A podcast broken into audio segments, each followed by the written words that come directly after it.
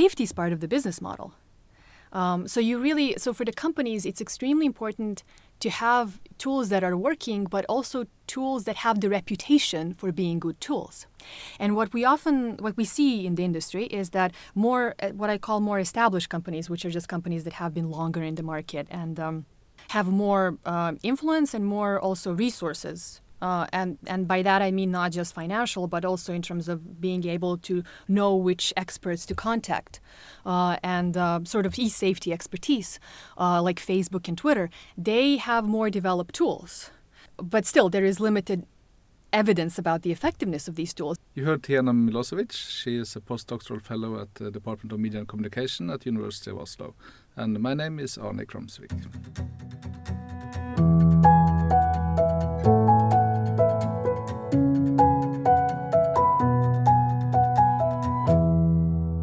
Researched a lot of different things before I uh, came to children in media. I researched public diplomacy, I researched uh, uh, media framing of the war in Iraq. So I did a lot of analysis of media coverage.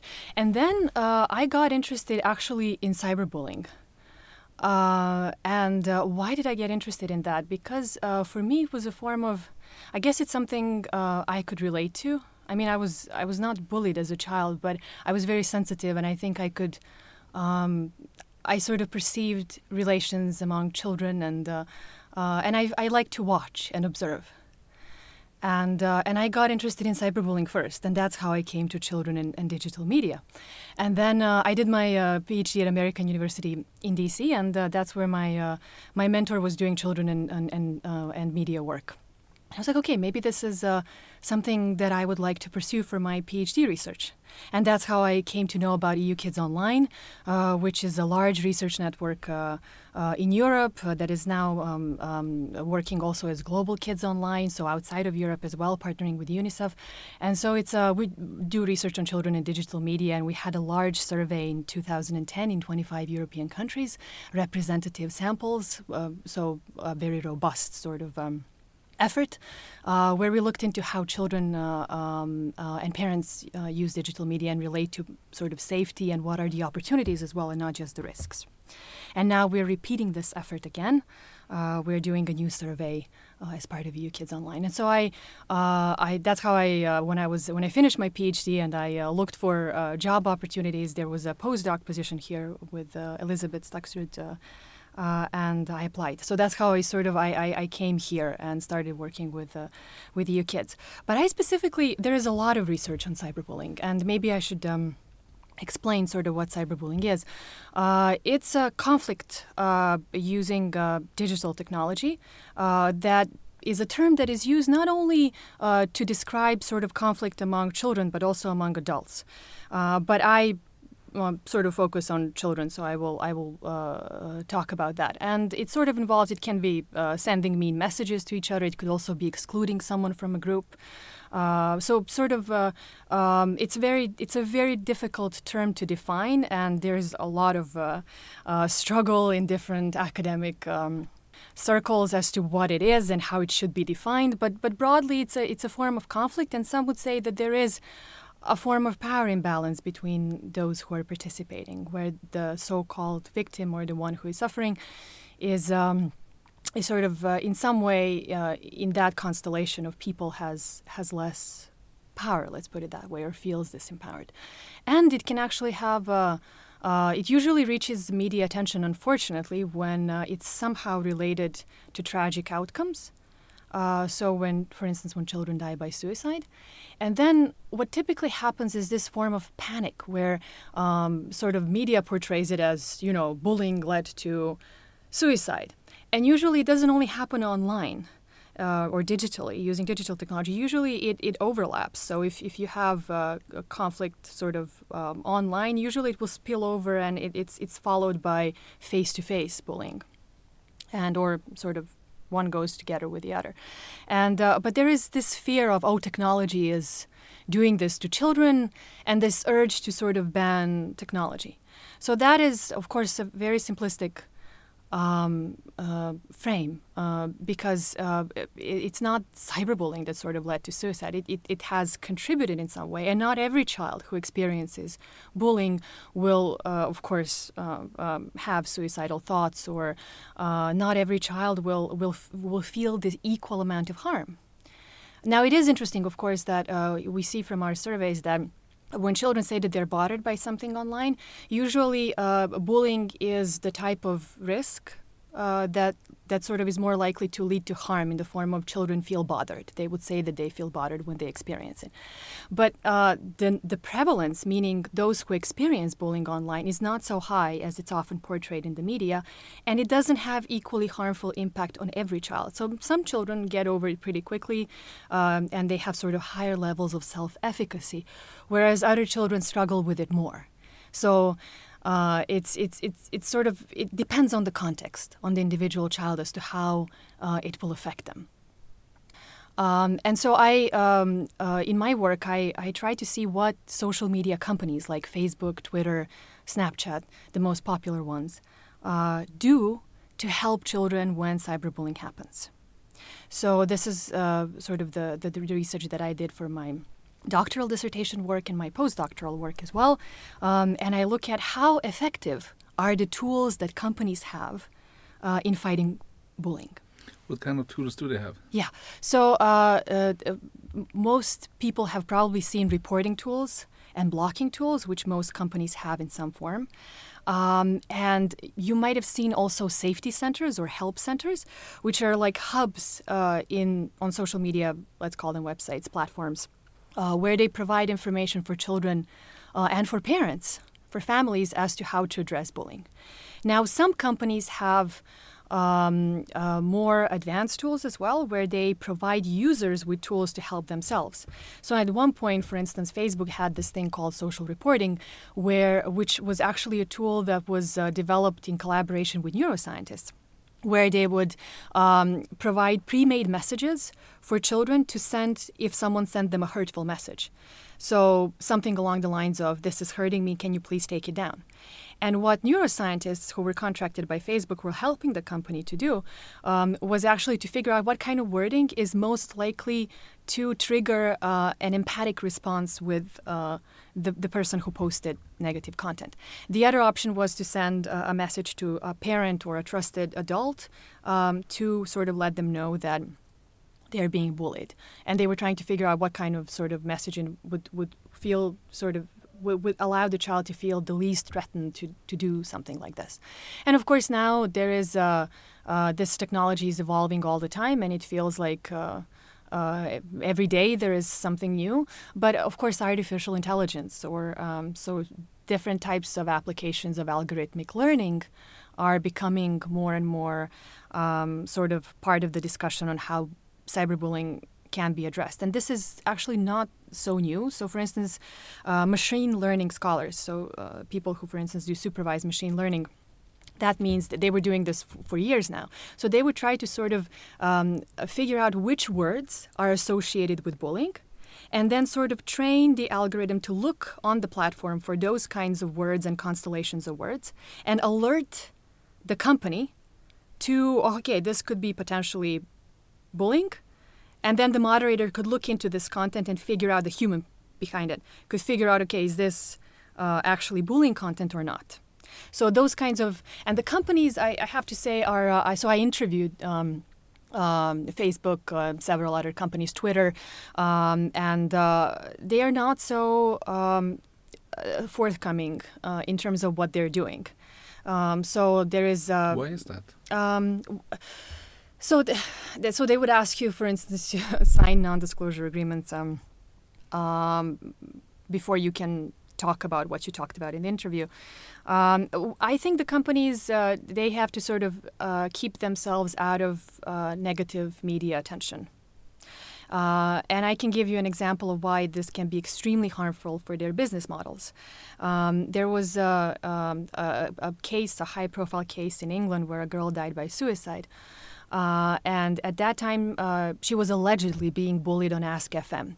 And you might remember Ask FM. That was this uh, uh, platform very popular with tweens, so uh, uh, 11, 12 year olds, just preteen age and uh, uh, it was anonymous. You could post comments anonymously, and uh, it was sort of touted as the wild west of you know like a place where you know children get bullied.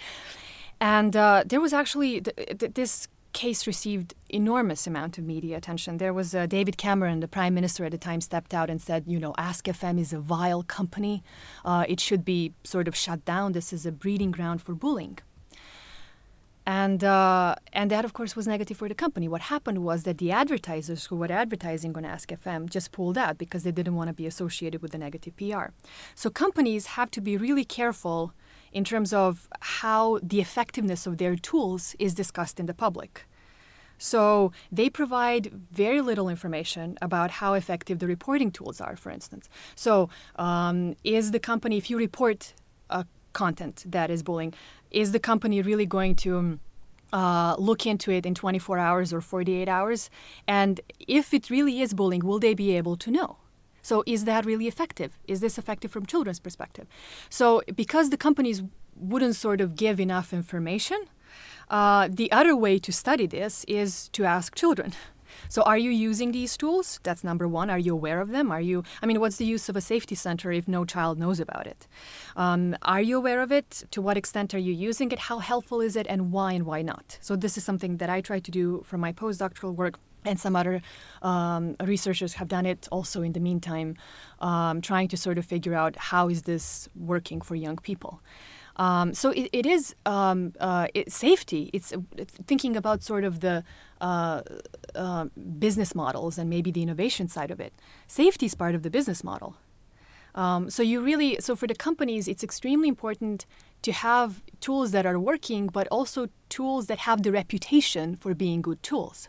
And what we often, what we see in the industry is that more, uh, what I call more established companies, which are just companies that have been longer in the market and um, have more uh, influence and more also resources. Uh, and and by that I mean not just financial, but also in terms of being able to know which experts to contact, uh, and uh, sort of e-safety expertise, uh, like Facebook and Twitter. They have more developed tools, but still there is limited evidence about the effectiveness of these tools, but still they're much better at sort of explaining what they're doing, why they're in doing that way, than small startups that have just started and sort of um, where uh, uh, where the company has just begun, and you know, in three months it acquired a lot of you know users, and there are a lot of children using it. All of a sudden, what happens is that then companies like, oh, we have this popularity, we have so many downloads, uh, children are using it, but there is also bullying. So what do we do? how do we how do we manage both the platform itself, but also our reputation? So that those are sort of the things that I look into. So so what is I also look at what what were the laws that were sort of passed against um, uh, to sort of address cyberbullying, and usually what happens in the aftermath of this, these. Um, unfortunate cases of suicides. What happens is that we have the laws um, that uh, are not that are then passed and they're called by the names of these children but they do not necessarily address these problems it happens for instance that they infringe on privacy of adults uh, and uh, uh, and then they are struck down. Um, so it's sort of very politically motivated uh, legislation very often because it's it's sort of popular to have that kind of a law in the aftermath of such a high-profile case. And then when you look at the law, you realize, well, this is actually not helping children.